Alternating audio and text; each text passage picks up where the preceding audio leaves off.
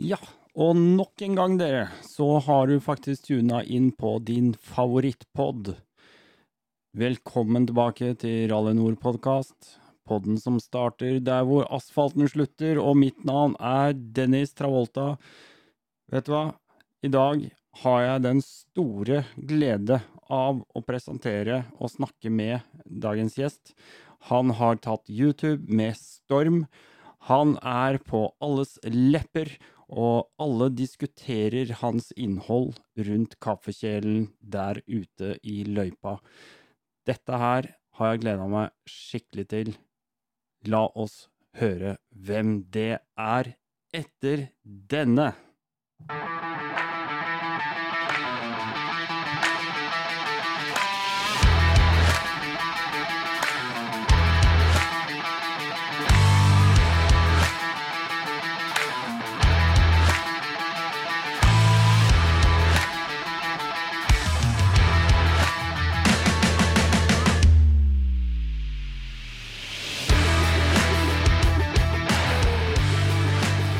Ja da, ja da, ja da, ja da.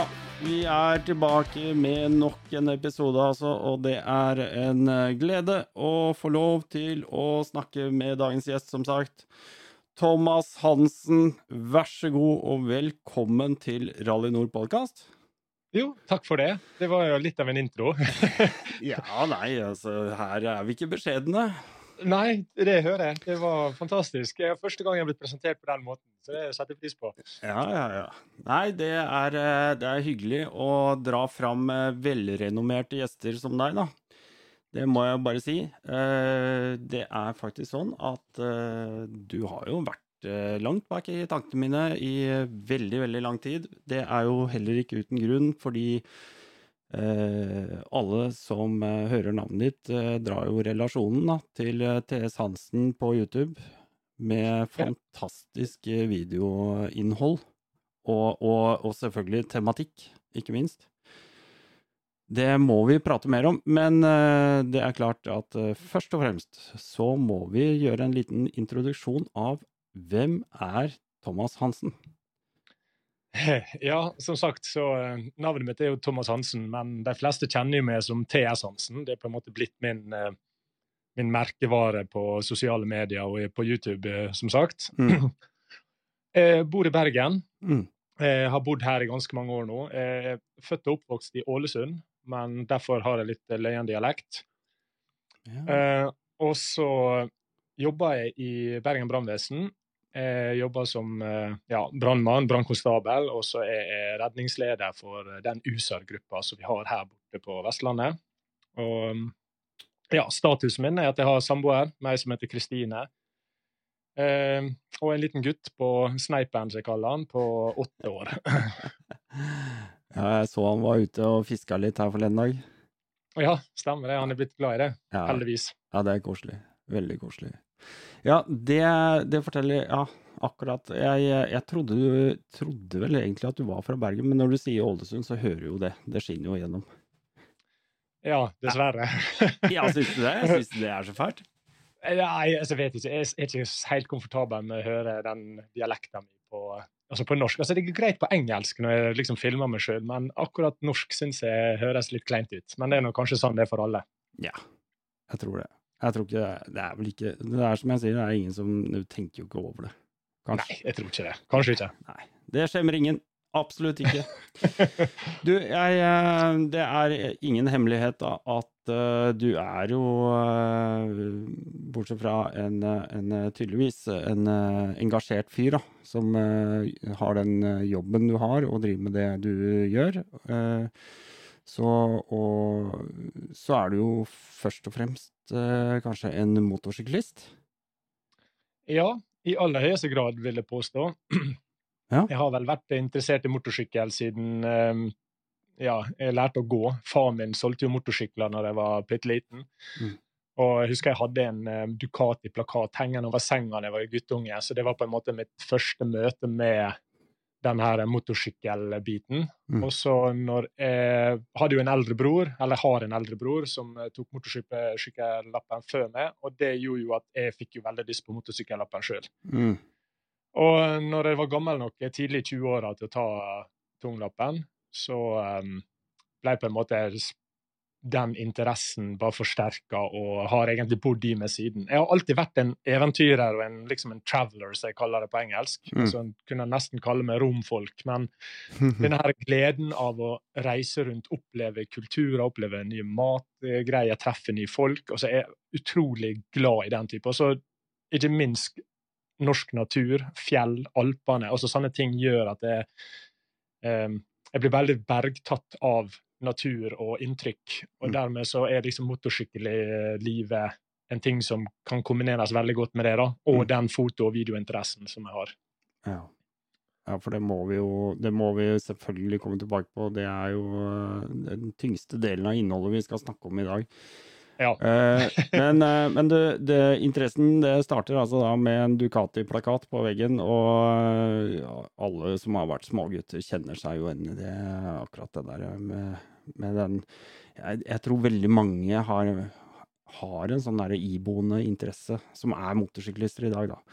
Vel å merke. Uh, ja. Men det har vært noen typer sykler opp igjennom. Jeg uh, har lyst til å komme litt inn på det etter hvert. Altså, men, det, men, det, første fotoene jeg finner fra deg, det er uh, Du har sikkert hatt masse sykler før det òg, men det var en BMW S1000 RR. Eh, ja. Men det har sikkert vært noen sykler før det òg. Hvordan, hvordan, har dette utvikla seg egentlig opp igjennom? Nei, altså det begynte jo Første sykkelen jeg kjøpte, da gjorde jo jeg all research eh, tilgjengelig på nettet og prøvde å finne min perfekte sykkel. Og som motorsyklist sjøl, så vet jo du, og gjerne kjenner til det, at det din beste sykkel er din neste. Mm. Så jeg gjorde nok research til å finne ut at det en VFR 800 det var på en måte det beste for den type kjøring som jeg var interessert i når jeg begynte å ta motorsykkellappen. Mm. Og den tok meg på ganske mange turer rundt om i Norge og Trøndelag over til Sverige. Mm. Og, eh, men så begynte jo denne her eh, skinndress, posør, blank, feit sykkel på torget-tingen å hm. rive med. Så da fant jeg en Ducati nede i Stavanger, en 748 eh, som jeg hadde i ganske mange år. Og det var på en måte litt denne her Ducatien som jeg hadde på veggen, som jeg endelig fikk eie min egen Ducati. Det var liksom første gang jeg hadde råd til å kjøpe med en såpass dyr sykkel. da. Ah. Og um, fra den så hadde den i ganske mange år, og så kom jo jeg husker jeg var, gikk forbi Ride Bergen. På utstillingsvinduet deres så hadde de den nye BMW S1000 RR-en eh, i rød og hvit.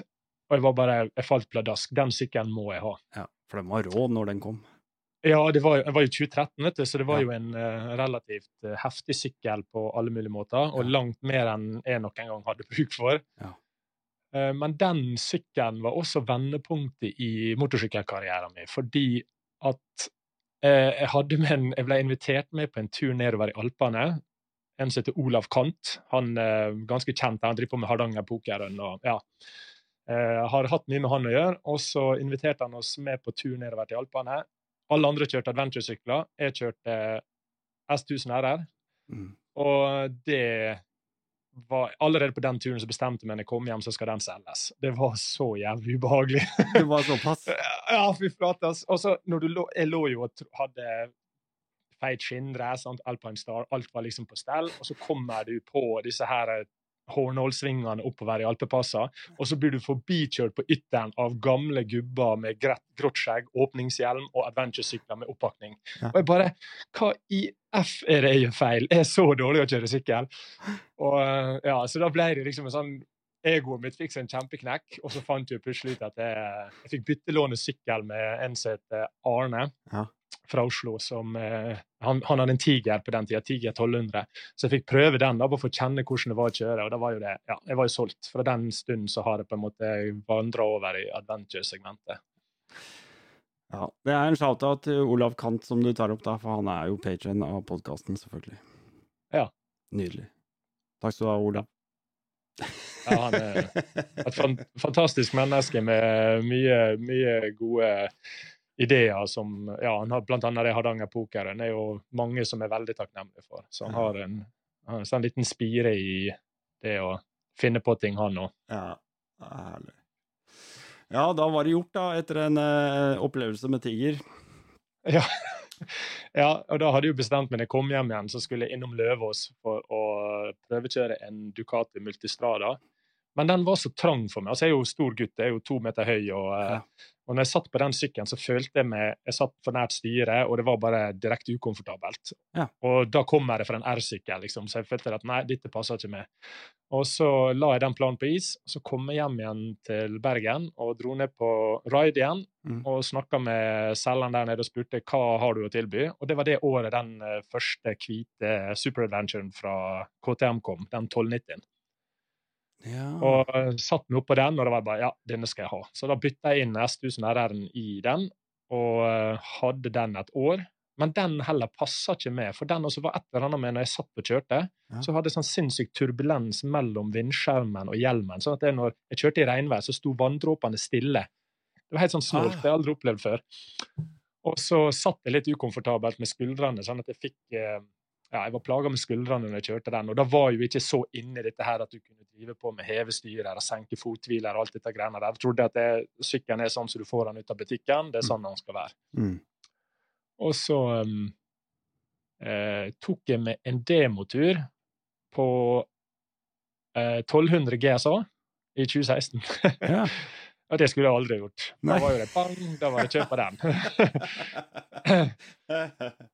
Så det er litt sånn impulskjøp der da. Jeg fant ut at altså, Du kan gjøre en sykkel komfortabel, men den liksom satt uh, ting i en helt annen klasse. Og det er jo en stor sykkel, og det er jo mer en turingsykkel enn det er en adventure-sykkel Ja. i min bok. Ja.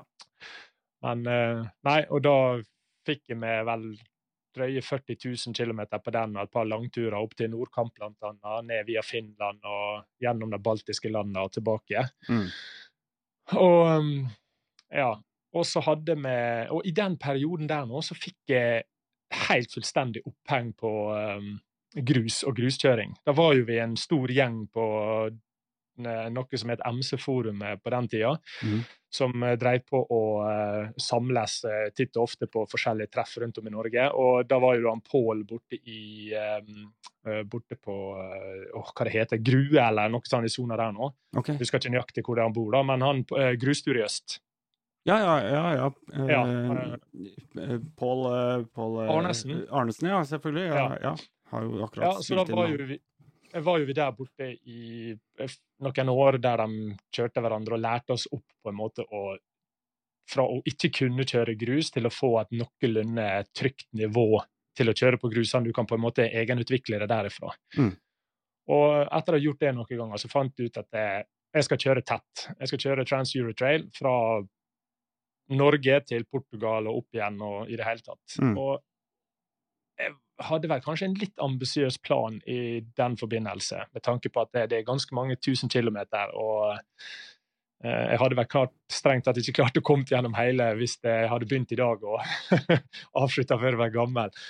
Men eh, det, spi, altså det, det et eller annet i meg som gjorde at den her eventyrlysta fikk jeg ble enda mer forsterka. Men Så- var det, var det fra 1290 eh, KTM-en eller 1200 GS-en du liksom begynte å, å engasjere grusen, på en måte? Nei, det var på GSA-en, Ja. mener jeg husker. Det er litt sånn vagt, dette der nå, men jeg mener Ja. på det var på 1200-en, ja. Ja, når du liksom dro til Nordkapp og over til Finland, og du fikk litt eh, grus under gummien, holdt jeg på å si? Ja, Det var ikke så mye grus på den turen, men vi hadde et par sånne plasser nedover i jeg vet ikke om det var i Latvia eller hvor, om det var i Polen. Mm. Der kjørte vi på noen sand- og grusveier. Så tenkte jeg at herregud, hva, dette her var jo helt forferdelig. Jeg er jo vant til å kjøre R-sykkel. ja. Og, og fant ut at dette her nå, Men det er spennende, for det tar meg til plasser som jeg aldri har vært på tidligere. Og jeg som er så opptatt av norsk natur, eller natur generelt, fant ut at det, på, du må på grusvei skal du komme til de fineste plassene. Mm. Så alle disse tingene her satt i system, da, så gjorde at jeg, jeg må lære meg å kjøre grus. Og da henvendte jeg meg til liksom, dem jeg hadde av venner i miljøet, og da ble vi liksom en gjeng som pusha hverandre og pusha litt grenser og fikk litt opplæring med hverandre. Og så det var vel, det var vel ingen som var noen instruktører eller utdanna instruktører på den tida, men eh, vi, eh, mange hadde god erfaring, og vi lærte av hverandre og hjalp hverandre til å bli flinkere. Og så har det bare utvikla seg derfra, egentlig. Mm. Mm. Men så hadde jo en tryning på tett da, med den eh, 1200-en. Oh. Jeg tryna. Jeg la, la ned på Ja, altså det var helt sånn stille egentlig på litt sånn sleipt undergrad. Kjørte med egentlig veidekk. Jeg hadde jo ingenting eh, på, på det underlaget der å gjøre med den type sykkel alene. Men jeg spant i hvert fall rundt, og så datt han utafor veien, eller utafor stien der nå. Ja.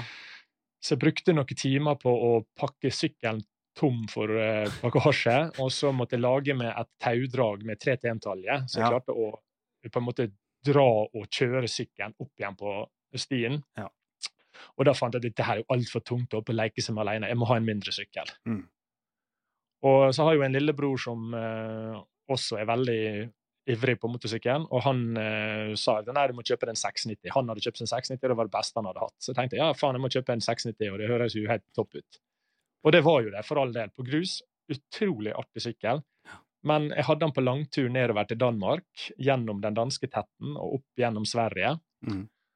Og rista på med synforstyrrelse, og det var helt krise. Jeg skulle over den her eh, Øresundbroa, eller hva det heter, og det var bare helt forbanna krise. Det var, jeg holdt på å blåse av veien, og hver gang det kom en lastebil, så ble det sånn her turbulens. Det var, det var bare for, Nei, dette går fucken ikke. Jeg er for glad i langtur til at jeg kan ha en ren grussykkel. Ja.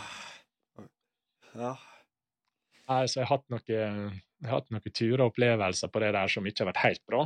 Men du lærer jo, da. Du får jo en fantastisk sånn her nå. Og jeg ser litt sånn her, Du kan gjerne se på reviews på nettet, du kan gjerne høre på andre sine, men før du på en måte har prøvd det sjøl og tatt i det sjøl og erfart ditt kjøremønster og hvordan du liker å kjøre, Mm. så det er veldig vanskelig å vite. Så jeg er litt sånn tilhenger av at jeg skal gjøre noe, så skal jeg prøve det sjøl, og jeg skal teste det grundig før jeg på en måte gjør, konkluderer eller gjør meg opp en mening. Men, men du, du går eh, researchen først uansett. Altså litt sånn er i hvert fall jeg. Jeg føler at oh, ja. jeg, jeg må ta researchen før jeg tar en avgjørelse, eh, selv om jeg skal teste det ut sjøl. Ja, ja, ja. Jeg ser jo alt av YouTube-filmer og leser alt av reviews på nettet og leser opp og ned alle meninger. Så detter jo i denne bekreftelsesfella at du, du, du søker jo til dem som har samme meninger som du sjøl, sant. ja. Så du blir jo på en måte lurt inn i det. Bare, ja, dette er helt fantastisk. Og så er det kanskje ikke det når du har fått prøvd det litt. Og da er det veldig vanskelig å innrømme for seg sjøl Mm. at du har brukt så mye penger på en sykkel og tatt feil. Mm. Ja. Men det er nå sånn vi er som mennesker, tror jeg. jeg, jeg, har, jeg har blitt såpass voksen at jeg eh, ja, jeg sier nå at uh, den meninga jeg har i dag, den trenger ikke å være den samme i morgen. Nei, det er egentlig et godt motto. Ja, fordi at eh, jeg, jeg du, du må spise noen eh, du må, du må tygge litt i det sure eplet av og til og innrømme at du har tatt feil, og det, det har skjedd såpass mange ganger nå at det er like greit å bare si det som det er. Tenker Ja, jeg, jeg, har jo, jeg har jo hatt det rimelig tungt for å innrømme at jeg tar feil, men eh, jeg har jo på mine eldre dager begynt å skjønne det at jeg, eh, jeg tar veldig mye feil. Og når du da har gått hardt ut i forkant, så er det veldig tungt å svelge den kamelen i etterkant. Men jeg har såpass, såpass selvinnsikt at jeg, jeg tar den. Jeg skal heller innrømme det at jeg tok feil, selv om det sitter langt inne. og så jobber vi oss videre. Ja, og så tror jeg det er lettere å komme seg videre, hvis man bare kan eh, tåle å innrømme, for dette går jo på, går på selvfølelse og, og liksom, hva skal jeg si, ja. ja. Ja. litt sånn eh, Ja. Jeg, jeg, jeg syns det er lettere, i hvert fall. For, for Ja. min del, da. Mm. Ja, altså opplever jeg at det, em, i, altså Jeg prøver jo å være veldig sånn her um, Hva skal jeg si altså, Det er veldig mye absolutt der ute og går. Det er veldig mye sånn, Hvis du leser et kommentarfelt på Facebook, så er det alle som skriver det kommentarfeltet, virker som om de er interessert i å vinne diskusjonen. Det er aldri en sånn her litt sånn åpen i begge ender og på en måte Ja, sånn og sånn kan være fornuftig å gjøre. Det er alltid absolutter. Og det, de fleste av oss lider jo av skråsikkerhet. Det er jo Mm. bare sånn vi er som mennesker. det òg. Men jeg tror det at det em, i hvert fall jeg prøver så godt jeg kan utad å ha en litt sånn her åpen tilnærming til ting, og ikke Ja. si at det, det er det beste eller det er sånn og sånn. Men Nei. for meg så fungerer dette veldig bra, Mm. og jeg forstår og aksepterer at andre har eh, andre syn og meninger om det. Men min erfaring etter å ha kjørt sånn og sånn og sånn, så syns jeg at det her er den beste oppsettet for min type kjøring. Der er vi helt enige. Jeg, jeg, jeg, jeg får litt sånn eh, hetta av eh, tastaturkrigere, som jeg kaller det.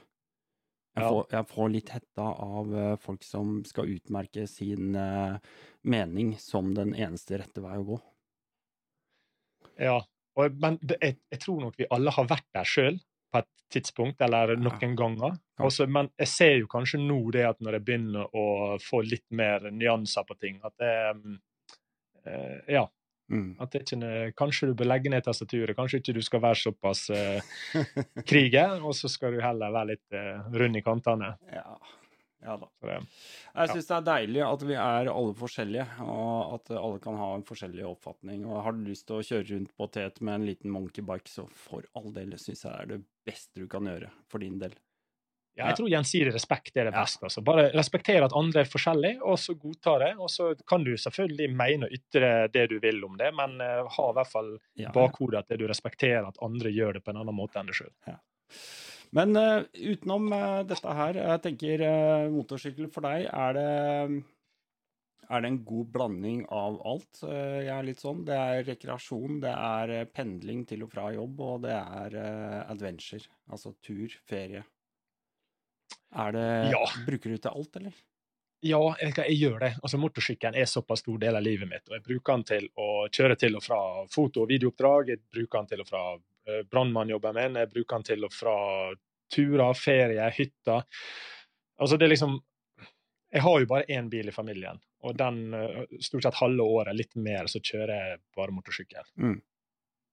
Til alt. Ja. Og det er For det, det er litt sånn der det er litt sånn Når kjerringa skulle ha meg til å kjøpe, eh, kjøpe rundstykke, så kjøpte de på Voss. sant, En time å kjøre. Det er Stikk ned og kjøp et eller annet, så er du vekke halve dagen. Og er, det, kan, det gjør ikke du med bil. Nei. Nei, det er sant. Åh, jeg kjenner jeg må bite i meg latteren litt her, for jeg sitter med en eh, knust ribbeinskasse omtrent. det er ikke, det er, ikke noe Du må ikke fortelle sånne morsomme historier. Nei, jeg skal prøve å det. Det er egentlig ikke så veldig morsomt. Nei. Oi, oi, oi. Nei da, det var ikke det. Ja, nei, jeg, jeg, jeg kjenner meg godt igjen i det. Eh, kanskje litt mer før enn nå. Eh, at jeg kjørte og, og kjørte hele året rundt på motorsykkel, liksom. Bil, da Altså, jeg kjørte om jeg skulle i butikken, det var kilometer unna, midt på vinteren, så tok jeg motorsykkel. Altså, jeg kledde på meg og satt meg på sykkelen og kjørte den kilometeren, jeg, altså. Bare på trass. Sånn ja, Altså, ikke noe vinterkjører. Ikke overhodet. For det første så syns jeg det er nesten respektløst overfor ditt eget kjøretøy Ja. vandalisere det med det salt... Og i hvert fall her på Vestlandet så er det denne saltlaken de spyr ut. Mm. Sykkelen ser ikke klok ut. Ja, du kan behandle det, du kan gjøre sånn, men for min del så handler det veldig mye om at det å få den naturlige pausen på slutten av sesongen, der du Mm. kan lande litt, Mm. sortere alle inntrykkene dine, og så ikke minst det å begynne å glede seg til ny sesong Mm. Det gjør noe med interessen min for resten av sesongen. For klart, det er jo mange dager der det regner og litt dårlig vær, men når du husker du sitter og hater livet om vinteren og har mest lyst til å kjøre sykkel igjen, så er det denne her dag, Når det er dårlige dager på sommeren, så kler du på deg et ekstra lag, og så drar du ut på den sykkelturen, for du vet at det er gjennom den tunnelen eller over det fjellet så er det fine vær igjen.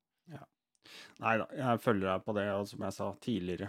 Men uh, det, er, det er en skam, altså. Nye sykler, gamle sykler. Altså, det er Det blir som en o- offeranode du har på båten. Altså, det bare går rett det, Altså, det ruster, det ruster ikke engang, vet du. Det går bare direkte over til jord, ikke sant.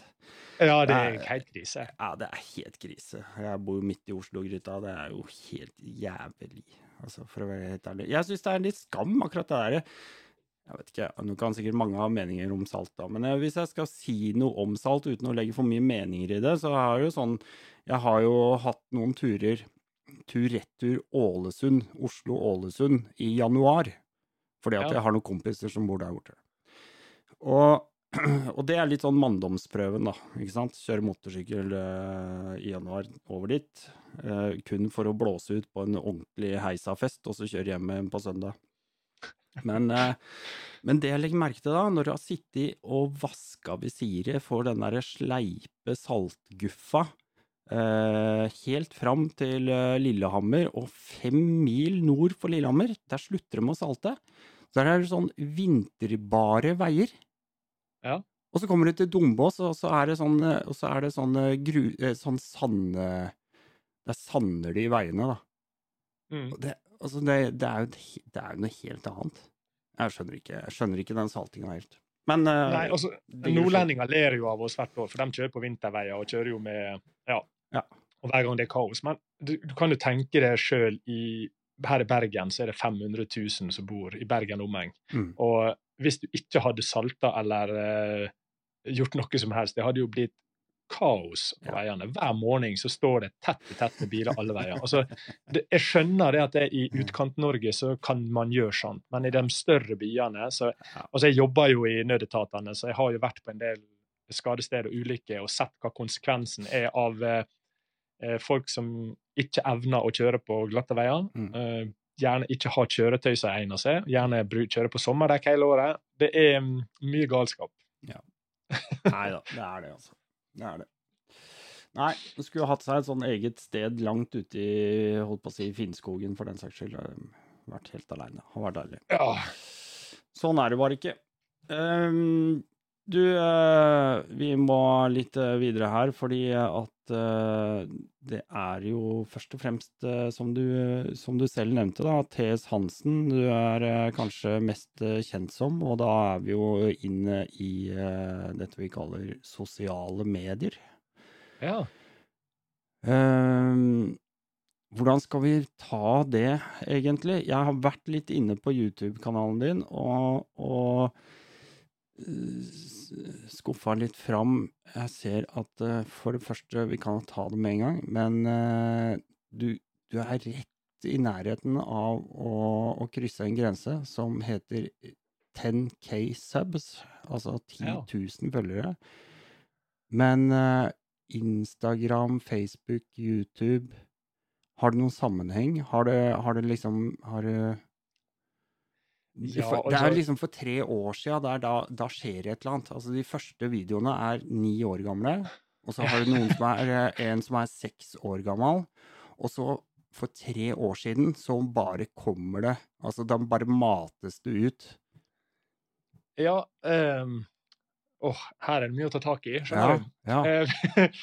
Nei, vi kan begynne med, altså Det med sosiale medier er jo at det, i, i korte trekk så er jeg ikke noen storbruker av Facebook. Og jeg har egentlig eh, ikke likt Facebook noe særlig, i den forstand at det er eh, så utrolig mye piss som blir lagt ut der til enhver tid. Altså Det er så mye meninger, det er så mye rasisme, det er så mye mm. politisk piss altså det er så mye, Folk er så skråsikre, og det er så lite nyansert, og det er liksom overskriften i nettavisen du ser gang på gang som går igjen. Mm. Og der har jeg egentlig Jeg, sletta meg sjøl fra Facebook i ganske mange år før jeg fant ut at jeg måtte tilbake pga. at uh, småen var, med, var på skolegreier, var på treningsgreier, så alt handla og skjedde rundt Facebook og Messenger. Så det var på en måte ikke noe vei utenom. Jeg måtte tilbake i mer eller mindre grad. Eh, Instagram det, har på en måte, det begynte jo som Jeg, jo veldig, jeg har alltid vært engasjert i foto og drev på med foto siden jeg var 15 år. Og det begynte jo som en bildedelingsapp der du viste til eh, flotte bilder du tok. Og så gikk jo det bare eh, fra himmel til helvete over til duckface og eh, rumpe i tights foran fossefall, og det ble bare en sånn her markedsføringsplattform for uh, influensere. Det var vel gjerne Instagram som skapte det med influensing. Ja. Og uh, Så det har jeg storiesene mine på Instagram det bruker jeg uh, bare for å vise alt jeg driver på med, og litt sånn behind the scenes og veldig sånn her lavterskel. Prøve å være litt eh, humoristisk. Prøve å gjøre litt sånn her ting, samtidig som jeg viser til videoting som jeg driver på med, som ikke har med eh, YouTube-kanalen min å gjøre. Mm. Og der har jo jeg fått Eh, ganske mye følgere, og det er ekstremt mange som tar kontakt med meg, snakker til meg, spør meg spørsmål om Norge, turene mine. Altså Der har jeg på en måte starta et Eller mm, si, ikke starte, men oppleve et helt annet community. da, Der er litt mer sånn lavterskel til å snakke mellom hverandre, litt sånn én til én. Mm. Og det setter jeg ekstremt pris på. Uh, og så er det jo den YouTube-kanalen, som sagt, så begynte jeg i Når jeg fikk den S1000 RR, da var det et eller annet som skjedde. Det var akkurat som en sånn epoke i uh, det med YouTube, det med uh, filming og sånne ting. For da kom det her GoPro Hero Black 3. Det skjedde noe revolusjonerende på kamerafronten på den tida. Men så, den gangen så var jo GoPro-kamera inne i sånne her kamerahus. Så du fikk sånn her ubåtlyd. Det var helt krise. Så hver gang du tok i denne her, eh, i kamera, så ble det sånne her sinnssyke lyder. Hørtes ut som du var under vann, ja. Ja, det var helt krise. Og, det, og, når du skulle kjøre med det på hjelmen, og så var det umulig å få noe særlig lyd. Så ble det bare travelt å høre på. Så da prøvde jeg med å på en måte være med på den reisen med å begynne å lage videofilmer, og syntes det egentlig var ganske kjekt. Eh, men så var det så dårlig utstyr på den tida. Det var ikke stabilisering på kamera sånn som det er i dag. Som gjorde at det ble bare ekstremt slitsomt å sitte og se på. Det hadde ikke noe glede av å holde på med, for jeg fikk liksom ikke gitt uttrykk for uh, det jeg kunne, eller det jeg hadde lyst til å vise til. Nei. Og så hadde jeg mange år pause. Men du, vet du hva? Ja. Nå er vi i gang, for nå kjenner jeg at nå har du fått vann på mølla, og før vi går videre, og du skal få lov til å tømme deg utfyllende om dette her, som egentlig er, skal vi si, hovedtema, så skal vi ta rett og slett en eh, aldri så liten reklamepause. Ja, og da er vi inne for å si at 25 lyttere kan ikke ta feil. De digger Rally Nord-podkast. Og det har de så til de grader vist at de har blitt patrons av Rally Nord-podkast. Eh, det vil si at de eh, er villige til å betale en liten slant i måneden for eh, dette, ja, hva skal vi si, fenomenet av en podkast. Det er fordi at de digger at noen tar for seg og snakker med folk som liker å ha knotter på hjula og kjøre utafor asfaltkanten. Og dermed har blitt patrions. Altså, jeg tar og nevner de fem siste. Det er Per Egil, Kenneth, Eirik, Laren og Kim. Listen er lang. Vi kunne holdt på i endeløst. Eh, tusen hjertelig takk for støtten, og til alle andre, dere 20 andre bak der, som har vært eh, patrients eh, lenge, og lenger enn eh, langt. Det er eh, nemlig sånn at det er patrients som får dette til å gå rundt, eh, for min del, og det setter jeg veldig pris på. Jeg liker å levere tilbake. Og derfor så er det selvfølgelig et uh, heftig Rally Nord podkast-klistremerke i postkassen. Vi får jo ikke annet enn regninger lenger, så det er det verdt å betale for. Og så um, har de jo uh, Noen har fått være med å gjennomføre verdenspremieren på RNP-treffet. Det er da selvfølgelig ute i sosiale medier. Kan du se bilder og diverse beskrivelser av hvordan det foregikk, og det var knallgøy. Det er klart det at det må gjentas, og hvis det gjentas, så er det også en mulighet for at det blir en tradisjon. Men det betyr også at du må være patron. Så også, ja, du får jo selvfølgelig eh, Rally Nord Patrons Pod. Da får du en egen link, bare for eh, dere der ute, som er så eksklusive. Men nå skal jeg holde kjeft, eh, og så fortsette videre med dagens gjest. Tusen hjertelig takk for at dere lytter. Takk. Beklager at jeg heiv litt sand rett utafor startgriden her, men Nei, det går helt fint. Litt skamløs egenreklame, det må være lov? ja, jeg, jeg, må. Jeg må. Det er sånn det er. Ja, det er lov, det. det du, jeg, jeg, er helt enig med deg. Du begynte med dette kameraet, at det skjedde noe revolusjonerende i forhold til kamera. Jeg heiv ut Jeg kom, kom tilfeldigvis over en minnepinne i skuffen her eh, som har ligget her i ti år, og så skjønte jeg ikke hva det var, så jeg åpna den, og der var det bitte små videosnutter fra en tur i Romania i 2010. Oi. Og det var jo tatt opp med de, de mest elendige kameraene man hadde på den tiden. Det er skurr og ja, dårlig lyd, og det er alt mulig. Men jeg bare klippa alt sammen og la, uh, la det rett ut på YouTube. Det er, tror jeg nesten halvannen time med videosnutter fra den turen. Ja. Men uh, Men kan, hadde Kan du tenke deg hvor mye sant materiale som faktisk finnes rundt om i skuffene til folk? Ah, fy faen. Det er helt sinnssykt. Åh, oh, det er helt åndssvakt. Ja. Men uh, dette dreier seg ikke om meg. Dette dreier seg om Nei. deg. ja, nei, men det er kjekt å spille ball begge veier. For jeg lærer jo jeg har, altså, jeg har jo hørt om det, og jeg har jo sett det på, uh, i sosiale medier og rundt om, og jeg har jo fulgt litt med på YouTube-kanalene nå. Og uh, det er liksom sånn Jeg lærer jo det å kjenne opp på, på denne måten, så jeg syns jo det er like spennende som å prate om meg, sjøl. ja. Det, men, det er et ja. annet program. ja, nei, men det, det, kan vi ta igjen når det er min tur. skulle jeg si. Ja, ja. Men nei, og så jeg begynte jo videre med mm, i, eh, Ja, eh, fra den tida, altså det kameraet, så la jeg det dødt. Og så var jeg eh, sinnssykt aktiv på, eh, på motorsykkel, og jeg tok jo veldig mye foto. Og eh, begynte å skrive leserinnlegg, leserinnlegg, altså lange Det som i dag kanskje kan ses som en blogg, men det var mer et leserinnlegg fra der jeg beskrev turer i form av eh, tekst og bilde. Mm. Og veldig sånn detaljert og litt sånn eventyrfortelling i forbindelse med den turen vi har hatt. Så jeg satt egentlig bare alt jeg hadde av ord og tanker og opplevelser rundt hver enkelt tur. Og det fikk sinnssyk respons. Det var, altså det var bare så Uh, utrolig hvor mange som satte pris på det, tok kontakt med meg og takka for at jeg hadde tatt dem med på turen. og Det, det, det starta egentlig en sånn liten fortellerspir i meg.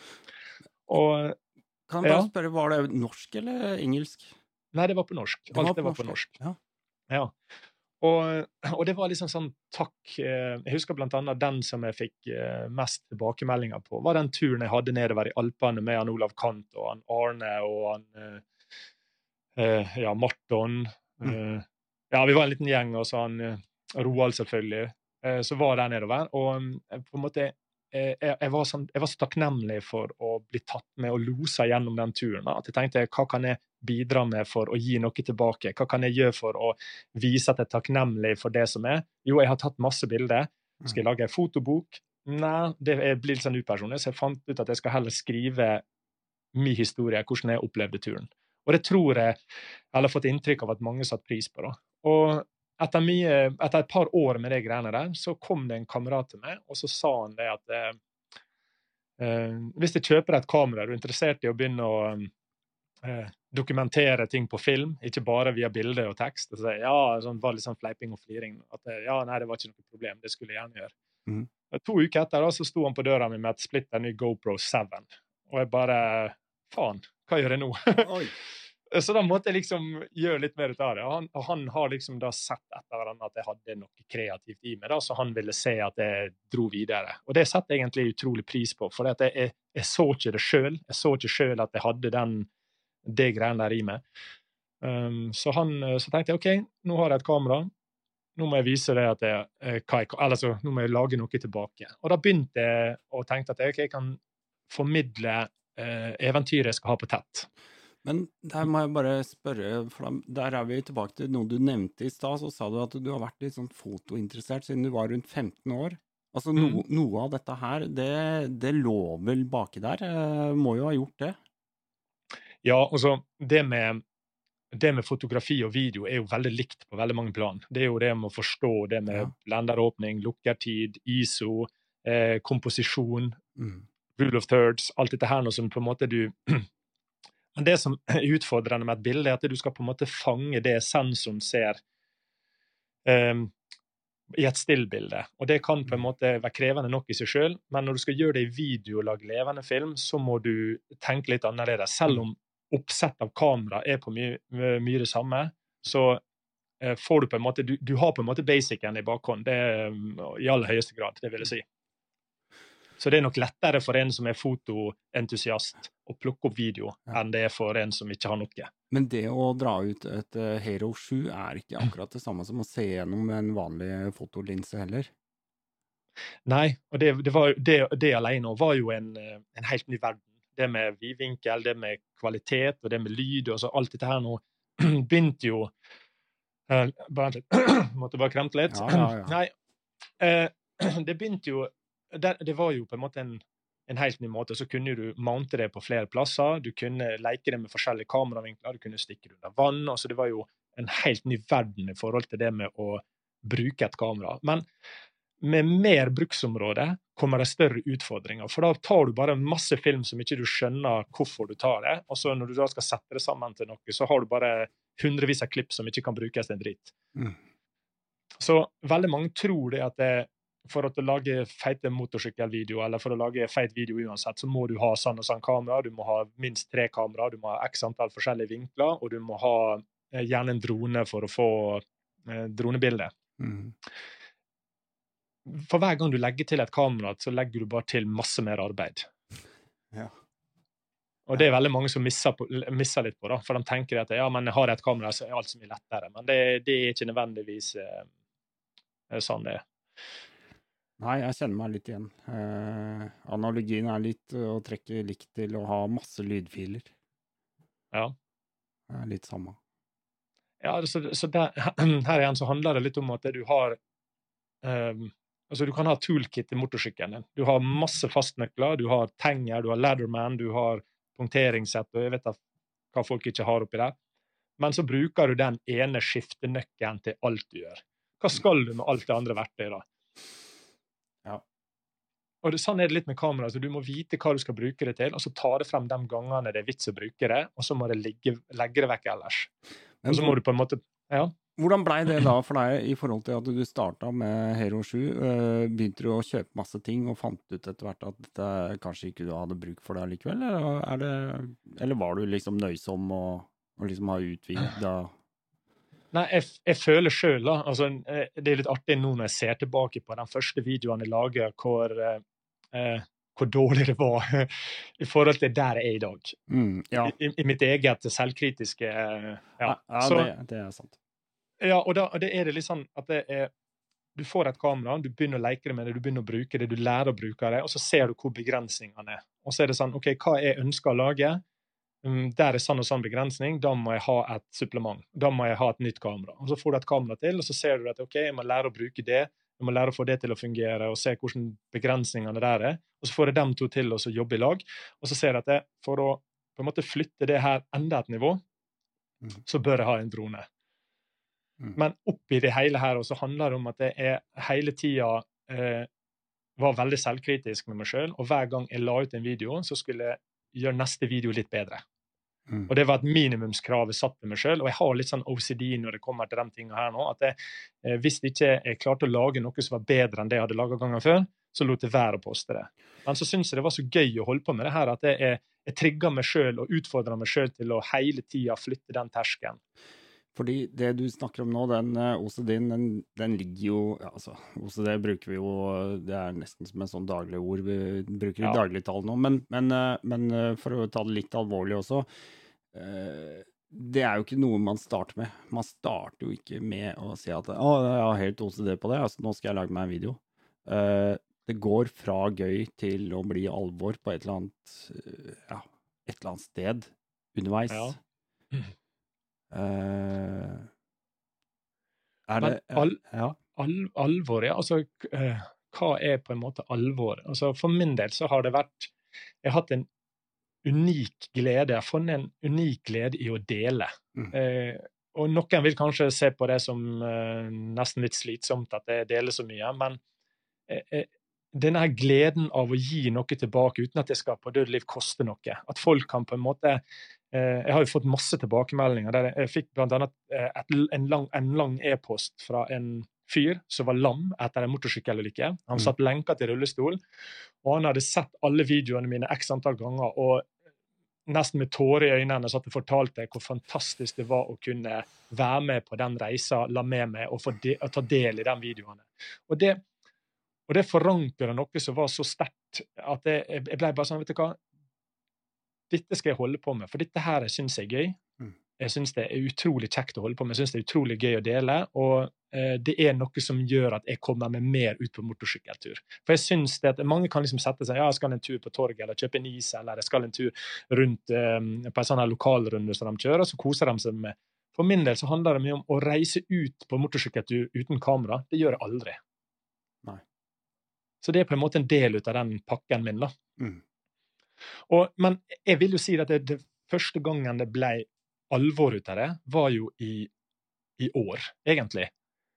Alt frem til nå har bare vært gøy, og at jeg leker med å prøve å bli flinkere på det jeg holder på med. Ja, akkurat det. Jeg tror jeg vet hva du sikter til, og det, det skal vi ta det, det må vi Det skal vi utdype. Men det ligger litt grann framover i tid. Ja. Eh, fordi eh, du har, du, har, eh, du har en del eh, spillelister, da. Eh, når jeg tar for meg de tre siste årene, så er det en del spillelister på YouTube-kanalen din, og de, de, der har du jo på en måte sortert ut litt sånn derre hva de forskjellige videoene er. Altså, vi snakker om MC-camping, solo-camping, short adventures, gear reviews, eh, camping gear, wild camping tet, how to-videos, ikke minst, uh, og sånne ting. Som, så, så du definerer jo disse forskjellige videoene også. Uh, hvordan starter liksom en idé? Hvordan starter en idé? Er det, er det at du er ute For eksempel en gear review er jo fordi at en, å, nå må jeg ut og kjøpe meg for jeg trenger det og det, og så Ja, altså Det er jo ikke noe hemmelighet at det, når, du, når, du, starter med YouTube, så alle ønsker jo suksess. Alle ønsker jo wow, jeg skal bli den neste som på en måte tjener masse penger på det her, og det er så mm. fantastisk. Mm. Men det er jo ikke sånn i virkeligheten. Og jeg har på en måte aldri hatt den tilnærminga til det her. For meg så har det bare vært det at jeg syns det er fantastisk gøy å dele. Det gjør at jeg får lov å være ute og gjøre de tingene jeg elsker aller mest. Mm. Og ikke minst det at jeg, jeg får utfordra meg sjøl til å bli flinkere. Jeg utvikler meg. Og eh, En idé starter ofte med at jeg er ute og kjører på tur, så får jeg på en måte et innfall at ja, faken, det kunne kanskje vært interessant for noen å vite om. Dette her kan jeg litt om, så dette her kan jeg se om jeg klarer å lage en liten vinkling ut av. Og jeg er en eh, altså jeg vet ikke hvordan jeg skal si en, en gjør, altså en doer. Og så Hver gang jeg holder på med noe, hver gang jeg jobber med noe eller styrer med noe, så får jeg alltid gode ideer om andre ting som jeg kan gjøre. Og Da har jeg alltid eh, notepaden i lomma eller på mobilen, altså via Apple Notes, der jeg skriver ned kort i korte trekk ideen som jeg har, og så setter jeg meg ned i ettertid og så sorterer jeg tankene jeg har mot f.eks. den overskrifta eller den ideen som på en måte blomstrer. Og så mm. prøver jeg å gjøre en video ut det. Masse av det blir jo til ingenting, men så blir det enkelte ting som da blir en, jeg sjøl føler en god idé, og noe som andre kan ha gleden ut av å få noe igjen for. Og der er jo det med videoene. altså Du har noe som gear review. I aller høyeste grad så syns jeg det er mest kjekt å være ute og lage turvideoer der jeg er ute på tur og fanger alle mine inntrykk. Men Eh, jeg ser jo det at jeg får så mye spørsmål rundt hvordan jeg pakker sykkelen min, hvordan jeg skifter dekk på sykkelen min, hvordan jeg redigerer videoene mine. Og da tenker jeg at jeg, når noen tar seg eh, tida til å se gjennom filmen min og stille meg et sånt spørsmål, så skal jeg prøve å innfri. Da skal jeg prøve å utfordre meg sjøl til å lage noe som de kan sitte igjen med og ha verdi i ettertid. Mm. Så alle de sjangerene eller alle de delene av kanalen er på en måte blitt ut av Eh, request fra folk som har sett eller har eh, vært følger av kanalen i lang tid. Mm. Jeg må si at du har en veldig unik måte å bygge opp videoene dine på. Eh, det er ikke ett sekund som er overlatt til tilfeldighetene i de videoene. Og, og, og når jeg sier unik måte å gjøre det på, så er det unikt i forhold til det jeg har kommet over, da, som dreier seg om motorsykkeladventure eh, og det segmentet der som vi liker å, å kaste oss over. Mm. Eh, jeg snakker da selvfølgelig om eh, Du bruker liksom animasjoner. Du, du tegner med tusjer Eh, og forklarer og skriver underveis. Altså, det er, det, er, det er, så gjennomført. Det er så gjennomført. Det er, det er kjempeartig å se på. Og veldig fengende. Altså, det er sånn Du blir sugd inn i det, og jeg, jeg må jo si det. Det er, det er kjempebra.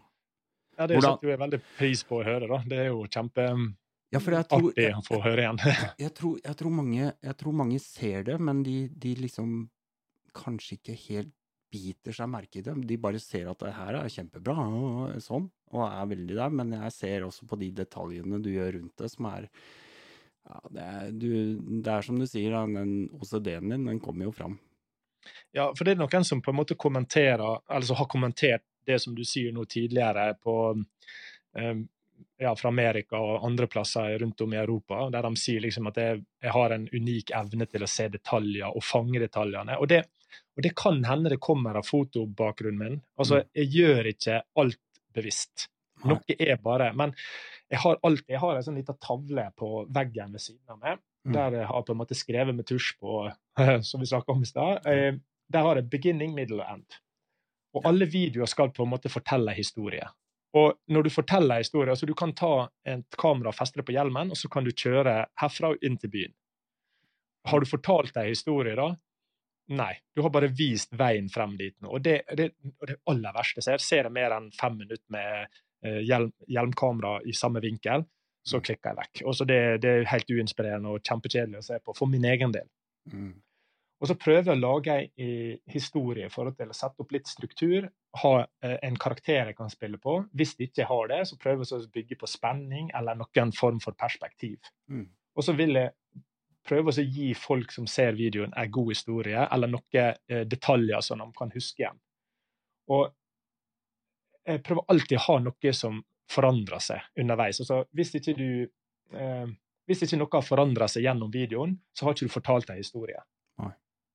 Og så prøver jeg å legge til da Og det, dette her er jo um, filmmaking 101. Det handler om å eh, skape og gjøre ting interessant. Stop motion er en unik eh, måte å fange oppmerksomheten til folk.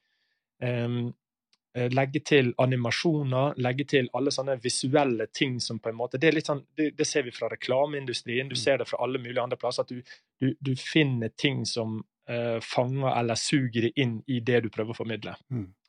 Hvor, Og det er egen... Ja. hvor viktig er musikk for å underbygge det du ser? Åh, det er helt enormt. Folk undervurderer virkelig hvor viktig musikk, og ikke bare musikk, men å ha rett musikk. Og Ja. det, jeg, jeg holder på å bygge på en video nå der jeg tar for meg fem av de tingene som har forandra livet mitt til det bedre. Mm.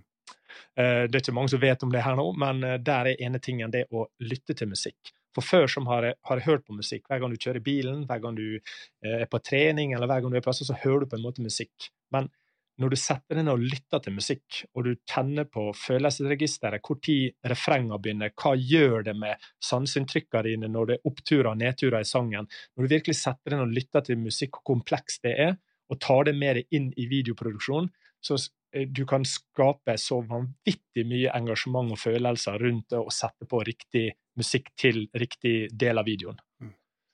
Altså det er det er det aller vi- Det er også å ha god lyd. Altså ha god lyd som folk Og så hører du skraping og lyd som klipper, så det er helt forferdelig. Da kutter folk det vekk med en gang. Men har du god audio som virkelig eh, er god å lytte til, og er jo ikke den beste i engelsk. Jeg snakker jo litt stutrete, jeg sier mange ord opp igjen, jeg prøver å klippe vekk noe, men det er veldig mye amazing. Det er gjerne et ord som jeg bruker litt for mye. Men eh, det er det også har jeg fått tilbakemelding på at folk finner det mer sjarmerende enn de finner det irriterende.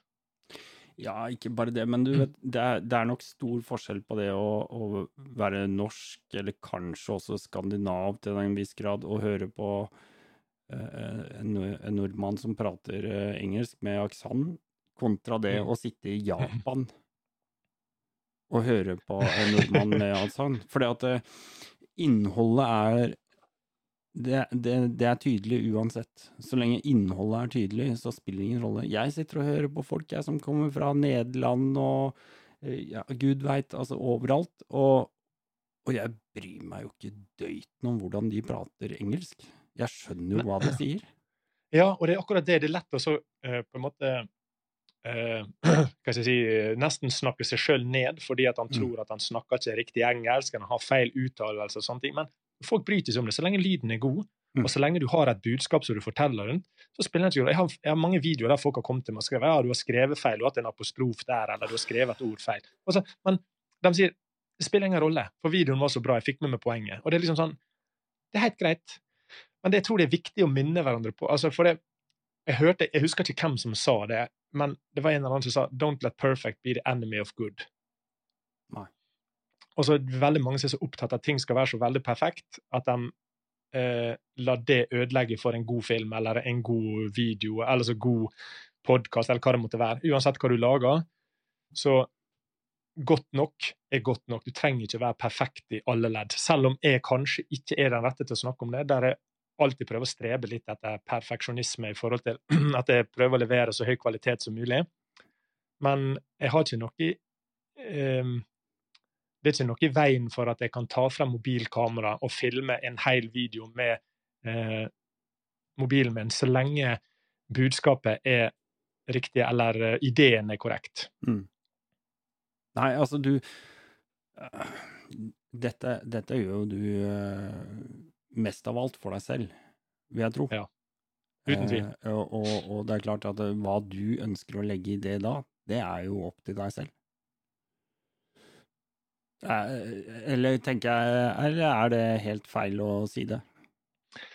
Nei, det er en sånn Jeg, jeg har også et sånt stort stående på eh, skilt på veggen der det står 50-50. Og det handler om at jeg, jeg gjør én video for meg, én video for dem. En video for meg, en video for dem. Mm. Og da handler det veldig mye om at jeg, jeg som filmskaper, eller jeg som eh, å opprettholde den interessen og gleden av det å holde på med video, krever at jeg er forandra og utfordra meg sjøl hele veien. Og jeg sier aldri nei til en utfordring. Og jeg prøver alltid å gjøre noe. Og det ser du litt på videoene mine, og dem som har fulgt meg en stund, ser at det der er litt sånn forandringer. Plutselig så kommer det en video som kanskje ikke stemmer helt med motorsykkel, og sånne ting, men det er for at akkurat på den tida der så hadde jeg behov for å utfolde med å være kreativ med kamera for å prøve noe nytt, for å lære meg en ny måte å redigere på, eller en ny måte å sette opp kamera. Og så Alle disse tingene her bidrar til at jeg opp, ivaretar interessen.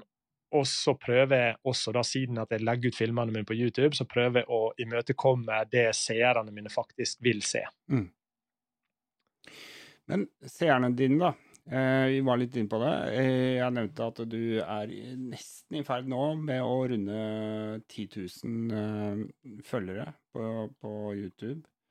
Ja. Du, det er jo helt klart at du omfavner jo et segment innenfor motorsykkel som dreier seg jo om adventure og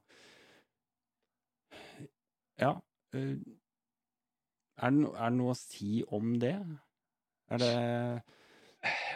Nei, altså, adventure det, altså det, det fenger jo i alle skala. Altså, adventure er jo på en måte alt innenfor motorsykkel. Mm.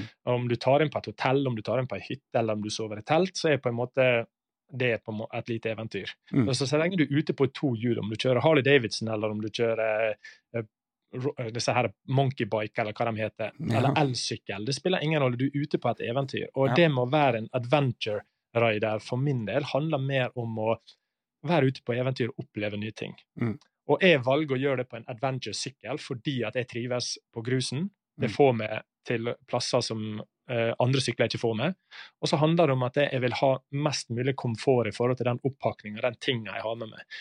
Og ikke minst kunne kjøre inspirert på svingete veier, sammen som at jeg kan være på grus. Og en adventure-sykkel gjør det på en måte han, han, er ikke best til noe, men han er god på alt.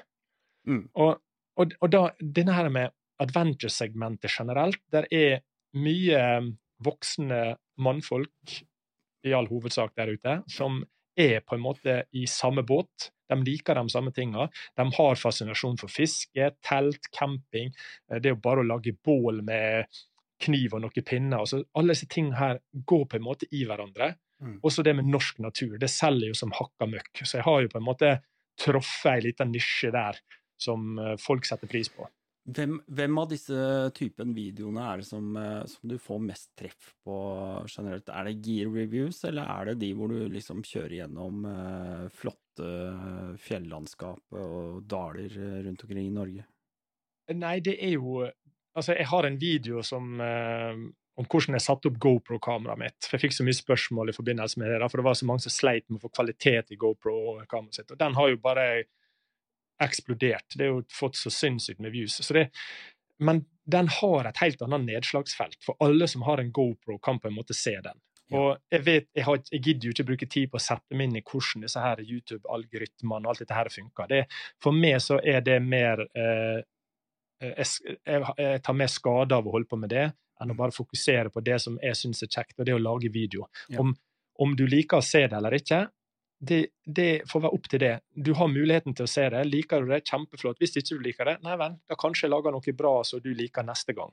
Og jeg er ikke så, altså sånn så sier du, liksom, Nå nærmer du deg en ny milepæl, og det er jo sinnssykt å ha nærme seg 10 000 subscribers. For jeg har på en måte ikke det som en milepæl. Om jeg har eh, 10 000, 100 000 eller 1 million følgere, det gjør jo selvfølgelig at du blir mer eh, ettertrakta og anerkjent og hva det måtte være, men det, jeg tror ikke det bidrar positivt til min interesse å, så, å, å bli så vanvittig stor. Nei. Hvis du skjønner hva jeg mener? Ja. For det handler om at da blir du gjenkjent uansett hvor du er. Du, nå kan det være han der anonyme som drar rundt på tur som folk ikke kjenner igjen, Mm. uh, annet enn via YouTube-ruter. da. Føler du et visst press i forhold til det, eller? Eh, ja, altså det er et par ganger jeg har sittet Sånn som nå, så sitter jeg og venter på en ny sykkel. Jeg håper jo egentlig jeg skal få melding i dag om at den dukker opp, men eh, det har vært en vanvittig eh, fæl. Og da har jeg på en måte ingenting å lage. Altså Jeg sliter med å finne ideer når jeg ikke har øh, øh, motorsykkelen min. her. For jeg har laga fire videoer som ligger klar. Jeg trenger bare materiale fra nysykkelen. Mm. Og eh, å lage en video det Noen ganger jeg sitter og tenker på når det går for lang tid siden jeg har lagt ut noe. Så det, det, Jeg tar meg sjøl, jeg kjenner litt på det noen ganger, men da på en måte prøver jeg å minne meg sjøl på det at det er eh, kvalitet foran kvantitet. Jeg føler det er Mm. viktigere å lage noe med en god historie eller noe med et greit budskap, eh, kontra det enn å spy ut en video en gang i uka som ikke har noe innhold. Det finner, det finner ikke noe glede i, og det tror ikke seerne mine finner noe glede i. Jeg tror det handler om at det er en felles greie der at jeg, jeg får holde på med det jeg gjør, og det liker folk tydeligvis. Har du noen sånn, er det noen sånn tidsrammer du har i forhold til videoene? Er det noe Ja, sånn- jeg, prøv, ja, jeg, jeg, merker jo sjøl at jeg er ikke noe flink til å sitte lenger enn 15 minutter og se på en film. Da skal den være sinnssykt bra. Så jeg tar meg sjøl i å prøve å ligge mellom 10 og 15 minutter, ikke noe mer enn det. Men jeg tenker på mellom produksjonene også. Altså, du gir ut Nei. en video i dag, så hvor lang tid går det før neste video kommer? Er det noe Den kan komme i morgen, eller den kan komme med en måned. Jeg har ikke noe ja. fast dato. Jeg, jeg, legger, jeg legger ikke det presset på meg, for jeg vet at det, eh, familielivet og jobblivet mitt og alt dette her er såpass dynamisk at jeg må på en måte benytte meg av de dagene som jeg har mulig å filme og ikke filme. Ja. Noen dager så er superproduktiv, klarer å lage masse bra etter hverandre, og så kan jeg bare sitte i en sånn grop der jeg ikke har nok ideer. Jeg er bare fullstendig blank. Men de gangene du er proppfull av ideer, og så ser du ut av vinduet, og så bøtteregner det i Bergen. Ja, det er ikke sjeldent. Nei.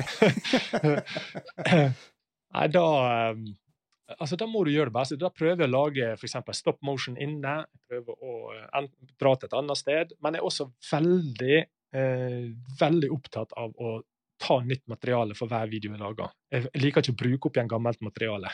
Nei.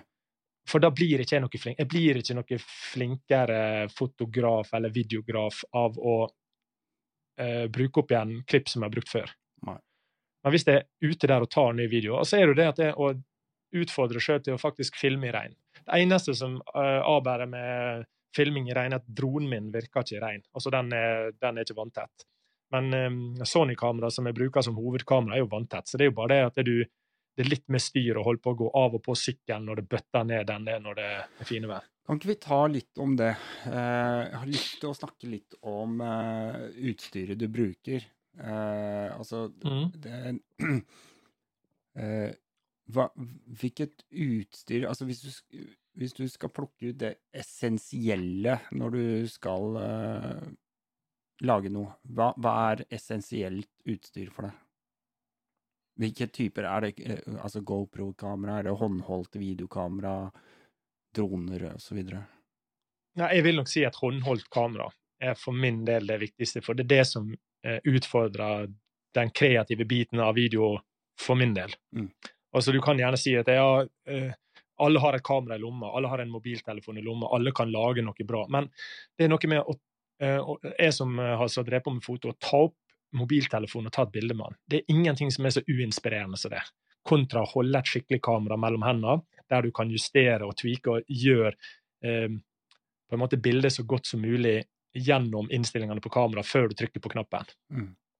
Og sånn er det litt for meg med video. Det handler om at det å, å ha noe i, mellom nevene som trigger kreativiteten din, det er alfa og omega for meg. Så det er på en måte Sony-kameraet mitt nå. Jeg har en eh, Alfa 7 S3.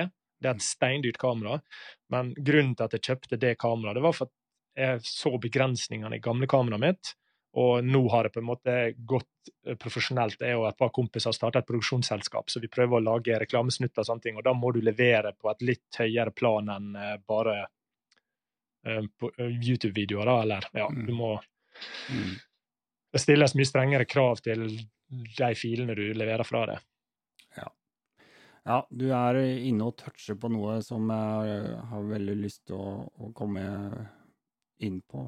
Men, men, jeg tenker på sånn Du har lagt ut veldig mye sånn dronemateriale også i det siste.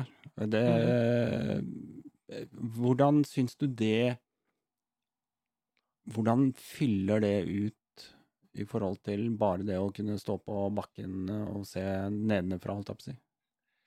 Altså, det, er en, det, er jo en, liten cheat code. Altså, det er jo, uh, For vi som har spilt uh, TV-spill i ungdommen, så var jo det gøy å sette en sånne cheat code så du var udødelig og greier. Men mm. akkurat drone, det, det, gir en dynamikk i historiefortellinga di og et visuelt inntrykk som er ingen andre ting kan skape. Og spesielt her i Norge når det er så vakker natur, for du får så vanvittig mye fin video ut av det. Mm. Så, lenge, så fremt at du kan å bruke det, at du skjønner hvordan det fungerer. Men eh, det er litt sånn eh, Hvis du ser en eh, hvis du ser en, video, eh, en videofilm på nettet, så kan du i løpet av tre sekunder formidle at jeg har flytta meg fra Bergen til Oslo. Ja. Hvis det vil.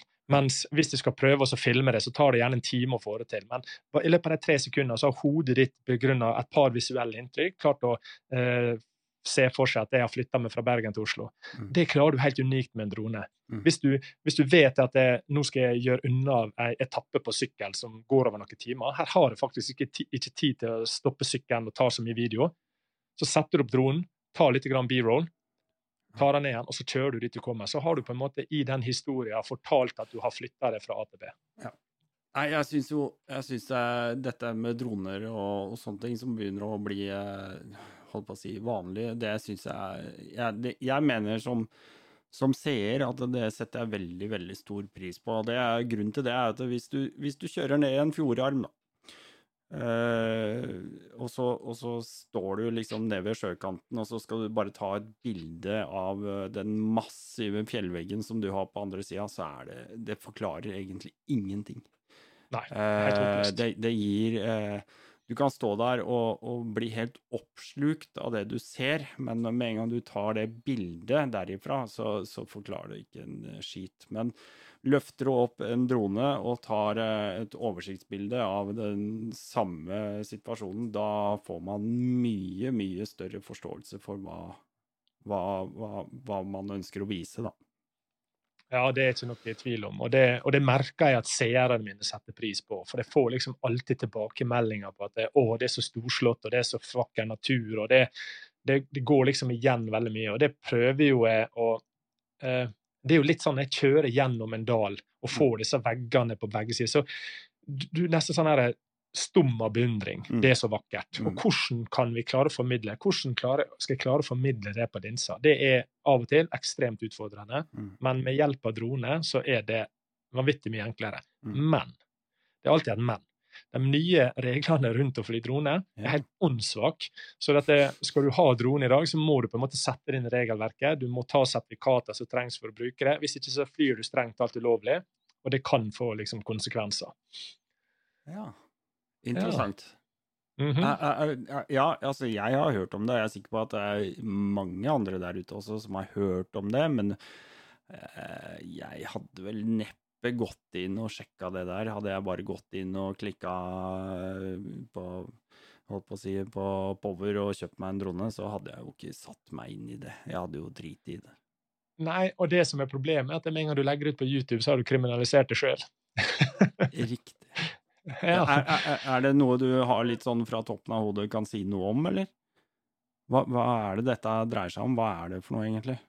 Nei, det dreier seg om at det er uh, klare retningslinjer på hvor det er lov å fly, hvor det ikke er lov å fly. Uh, og Det som er strengest i Norge og blir håndheva hardest, tror jeg er det å fly drone i naturreservat det er ikke alle plassene våre som er lov å fly drone i det hele tatt pga. fugleliv og dyreliv. og i det hele tatt. Så kan jo folk diskutere videre breie hvor tåpelig det er, men Eh, Det gjør at det, hvis du da legger ut en filmklipp eh, av det sjøl, at du sitter og filmer det sjøl I Rondane, liksom. Ja, for eksempel. Dovre er et utfordrende Ja. område. Der er det masse plasser på Sånn som jeg var oppe på Bukkerittet, så var det masse plasser jeg ikke hadde kunnet fly fordi at det var i no fly zone. Mm. Og um, eh, Ja, men da kan jo du gå og finne stock footage eh, online som du kan kjøpe, eller du kan få andre til å fly for deg, sånn at du sjøl ikke er han som Fins det, er holdt ansvarlig. Fins det egne kart over sånne områder som det ikke er lov å fly, drone? Ja da, der er apper på telefonen Ja. eller um, ja, på denne her Maverick i denne fly-modusen, så kan du ta opp kartet, så kommer det opp hvor du ikke kan fly. Det er smart. Ja. Det er smart. Men du snakka om det, kjøpe. Um, kjøpe Altså, vi snakka litt, toucha litt på musikk i stad. Musikk, eh, kjøpe andre klipp eller foto eller sånne ting. Mm. Det gjør du ute på nett, ikke sant? Ja. Du har masse sånne her stock footage-sider som selger klipp av alle mulige kvaliteter, der du bare kan søke på ja, det temaet du strengt alt vil finne, eller strengt alt vil finne foto eller video om. Mm. Og så er det musikken er jo egentlig abonnementtjeneste, der du abonnerer. Jeg har to sider som jeg bruker aktivt, og det er Artlist og Epidemic Sound. De har på en måte det innholdet som jeg føler har høyest kvalitet. Mm. Det er ganske dyrt, men for meg som bruker det så mye, så er det ekstremt billig. Og det gjør jo igjen at jeg kan tjene penger på reklameinntekter via YouTube. Ja, riktig. Ja.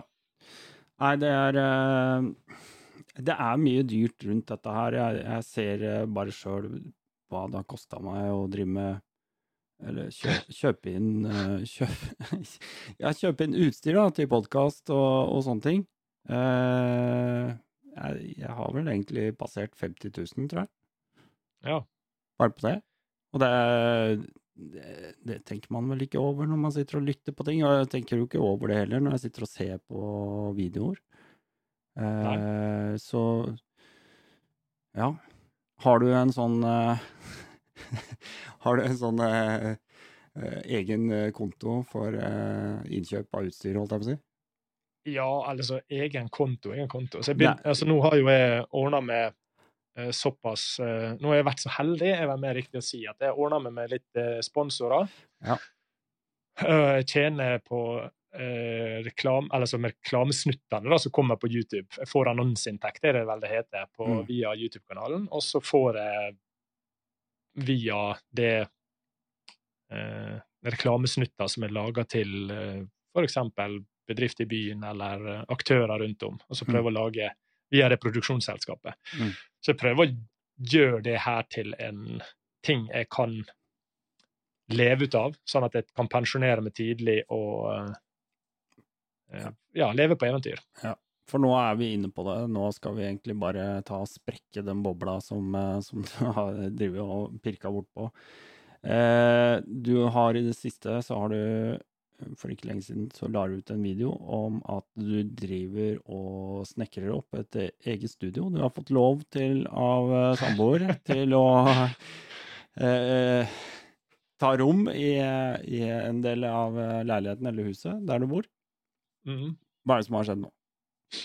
Nei, altså det, syvende, altså det det handler om, egentlig at jeg, jeg trengte en plass å jobbe uforstyrra. Mm. Der jeg kan uh, rigge til med lys, jeg kan rigge til med stativ og effekter og det det måtte være, uten å måtte holde på å rydde det ned. For det kan ta vanvittig mange timer bare å få noen enkle korteklipp. Og, eh, og også ikke minst det når du har en uh, småunge i hus som liker å spille Fortnite og vel om alle vennene sine, så blir det mye hylling og skriking. Så jeg trenger en plass der jeg kan være, jobbe litt uforstyrra, og ikke minst levere uh, på kort varsel til um, da kunder som jeg jobber opp imot, eller uh, til venner som vi jobber i lag med ting. Mm. Jeg har egentlig bygd meg et studio i kjelleren der jeg hadde soverom tidligere. Så det er totalrenovert med lydisolering i tak til um, maling og skrivepulter med lydoppsett og alt mellom himmel og jord. Mm. Ja, eh, dette blir jo da et sted hvor du lager disse videoene dine, redigerer og klipper, og så driver du, som du sa, eh, et eh, prosjekt nå med noen kompiser. Mm. Har du lyst til å si noe Ja. om det òg? Eh, ja, både ja og nei. Det er jo litt Da grann skal jeg ikke eh, dra deg ut på. Nei, men det er ikke noe sånn, altså Selve prosjektet som vi jobber med, det er litt sånn hysj-hysj med tanke på at det, det går jo litt sånn på konkurranse, at ikke andre skal fange opp andre ideer, eller det Ja. ikke sikkert noen som driver på med det, hører på podkasten din, Nei, nei. men det går, altså, Det- er litt sånn Da, Eh, det er helt forståelig. Eh, Ja. Det var bare, Du nevnte det så vidt her, så jeg tenkte kanskje du hadde noe der. Ja, altså Det handler egentlig bare om at vi jobber med lokale aktører. Ja. og Så prøver vi å lage Vi håper å lage noen dokumentarer. Ja. Og vi holder på å lage reklamesnutter for bedrifter i nærområdet. Ja da. Det er, eh, det er sånn det er. Eh, Noen eh, hemmeligheter må vi ha, og det har jeg sjøl òg, det. Det er en del ting jeg ikke gidder å snakke om. Ja, altså, ikke, det, det altså, ikke Janteloven står jo sterkt i Norge. og hvis du altså Jeg opplever at hvis du snakker veldig mye om at du har suksess, så er ikke det nødvendigvis, blir ikke det alltid oppfatta positivt. Nei. Så jeg tenker det er bedre å bare holde på det stille, og så heller vise til resultatet i etterkant. Ja, ja, ja. Nei, jeg, jeg er helt enig. Det er, det er bare sånn det fungerer. Ja, Det kommer ikke vi unna, dessverre. Vi bor i Norge. Sånn er det. ja. ja, vi må flytte til Amerika, vet du. Der er alt nei, det, nei, det er forskjell på uh, barberer som kutter seg i hodet. Nei, helt riktig. Det var, en, eh, det var en, eh, et forsøk på en spøk fra min side, men Ja. jeg er helt enig. Og så prøver jeg ikke å le for mye, for det Å, fy faen, jeg har vondt. Men uh, OK. Du, uh, jeg lurer på Er um, Er det noen spesielle planer for sommeren? Ja, altså, nå var jo Jeg hadde jo ferie i mai. Ny Mm. sykkel. Mm. Den er forsinka, så den kommer ikke sånn som den skal. Jeg går fortsatt og venter på den. Mm. Planen min var å kjøre til Sverige, være i Sverige og svenske skogene og møte en Mathias og Nomad Sweden Ja. der borte og lage litt video og gøyla med dem. Eh, det gikk ikke. Eh, nå så begynner det å spøke for Nord-Norge-turen som jeg hadde planlagt å ha i juli. Oi. Jeg håper jo den går som planlagt, men eh, jeg har også ferie til høsten, så jeg får, nå tar jeg egentlig bare én dag av gangen og så prøver jeg å gjøre det beste ut av det. Ja. Men jeg kjenner litt på at jeg, jeg har på en måte laga en video der jeg lover at jeg skal opp til Nordkapp. Og, og, og, og det henger litt på meg. Jeg kjenner litt grann på den at jeg, eh, hvis jeg ikke får det til, så føler jeg at jeg skuffer noen. Men jeg gjør jo ikke det. Det er bare at jeg, jeg kjenner litt på det presset om at jeg, jeg, har, jeg har lyst til å gjennomføre det. da. Ja. Nei, den, eh, den ser jeg. Det der er har- sånn Du har liksom lagt ut litt sånn åte. Ja, Bare sånn Åh. Ja. Ja det, det er litt py. Altså, Jeg angrer litt på det nå i ettertid og ser hvordan ting er. Men jeg skjønner at folk har jo forståelse for det. Men det, det er liksom det er noe med en mann av mitt ord. da. Når jeg sier noe, så prøver jeg å gjennomføre det så langt det lar seg gjøre. Um, Akkurat eh, det er, er veldig bra. Uh, nå må jeg ta en digresjon her.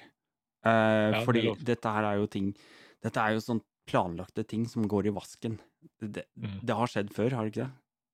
Jo, Ja. Det, skjer hele tida. Er, er, det, det noen, er det noen ting som liksom henger høyere? Altså som er sånn helt krise, liksom. Jeg har nemlig akkurat gjort en kjempeblemme sjøl, nemlig.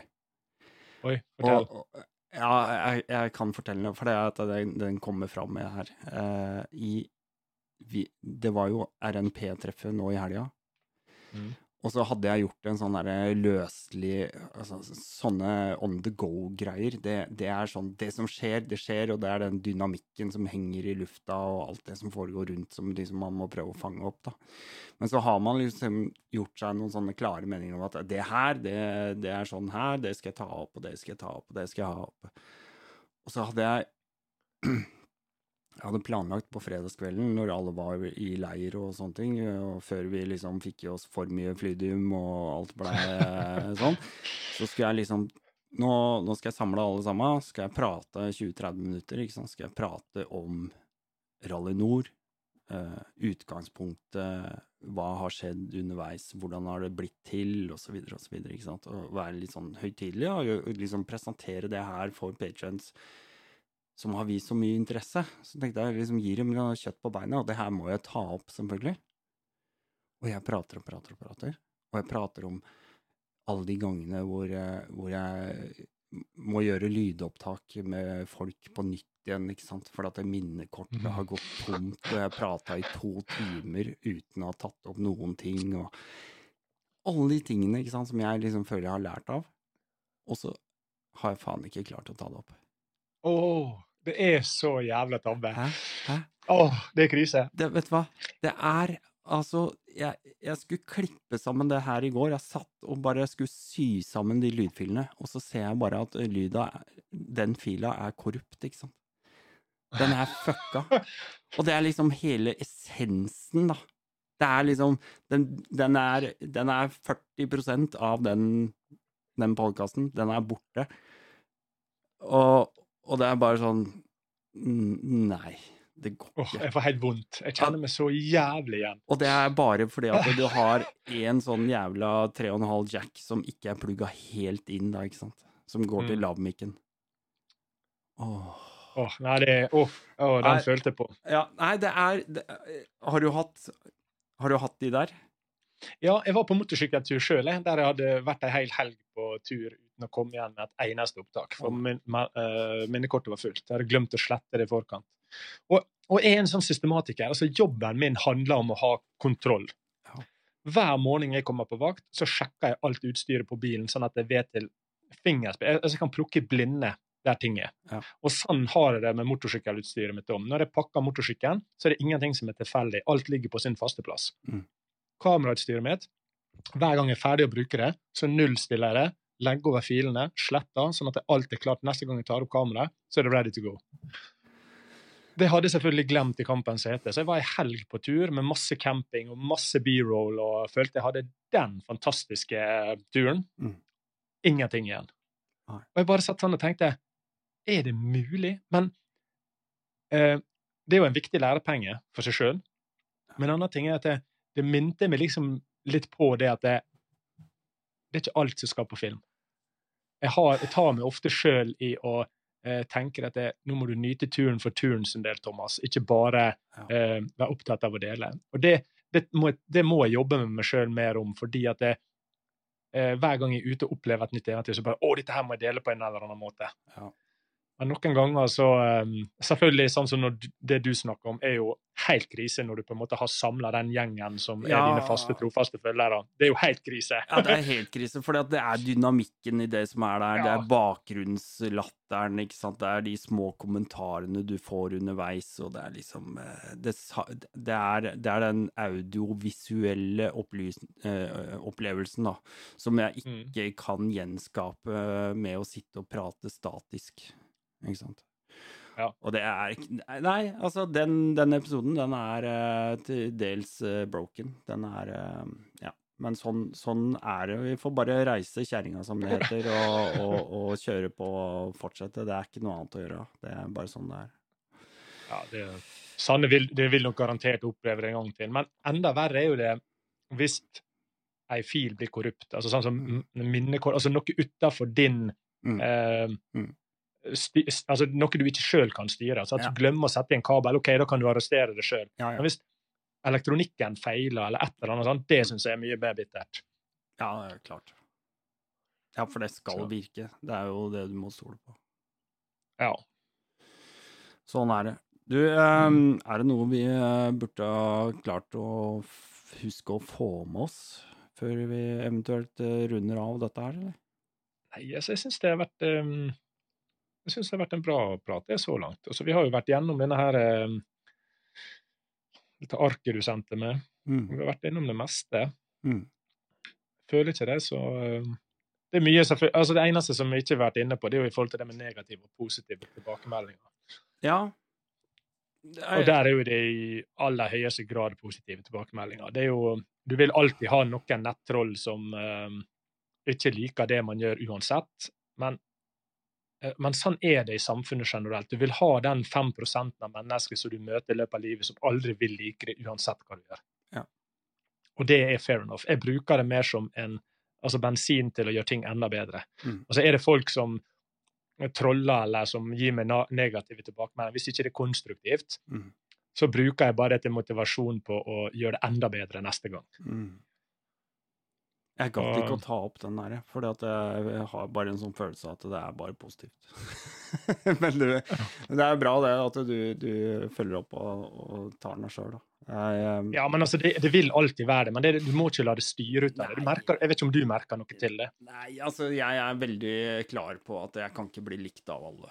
Uansett Mm. hva jeg gjør. Og det er, vil være folk som har meninger om hvordan jeg snakker og hva jeg sier, og hvordan jeg gjør ting. og ehm, Det får dem bare Altså, jeg, jeg skjønner jo ikke folk jeg da som har negativ Altså, hvis jeg ser på noe på YouTube, eller hører noe på et eller annet sted, jeg bare kan jo bare skru av. Eh, jeg har fått kommentarer. Jeg har, jeg har lagt ut en hel haug med elendige videoer på YouTube. Ja, det har jeg. Eh, og og det, er, det er helt greit, for det var ikke målet mitt dreide seg ikke om å lage en perfekt video på YouTube. Det dreier seg egentlig bare om å få fram noen poenger, eller instruksjoner, eller meninger. Men, men det er klart at eh, når du får en sånn sluttkommentar som står å, takk skal du ha, nå har du liksom kasta bort 20 minutter av livet mitt. Altså bare Hallo? Yes. Ha, yes, så. Har jeg kasta bort 20 minutter av livet ditt? Altså, hvorfor i mm, Har ikke du bare gått videre med livet ditt, liksom? Har du ikke Ja, altså- annet å Altså, da blir jeg Det er sånn der, vet du hva. Kjære vene. Altså, det er en sånn standardklisjé som går på nettet, det med at det eh, Dem som står det nærmest, er dem som eh, misliker det du gjør mest. ja. Det er sånn her, ja, men sånn som du gjerne opplever. Og det, og, og, det, det er en viss sannhet med det der. Og det tror jeg går litt grann på at det, du, Si du er på samme sted som en kamerat eller en som du omgås mye. Mm. Dere er på samme sted i livet, dere er på samme sted sosialt, i det hele tatt, og så gjør du noe som er veldig bra, eller du tør å ta et steg til å gjøre noe som forandrer det utgangspunktet. Mm. Så må han stå og se seg sjøl på samme plass mens du forsvinner forbi. Mm. Og den der å stå og se seg sjøl, at du har muligheten til å gjøre noe, forandre noe, men du står heller på stedet hvil, Da er det veldig lett å kritisere dem som går videre. Mm.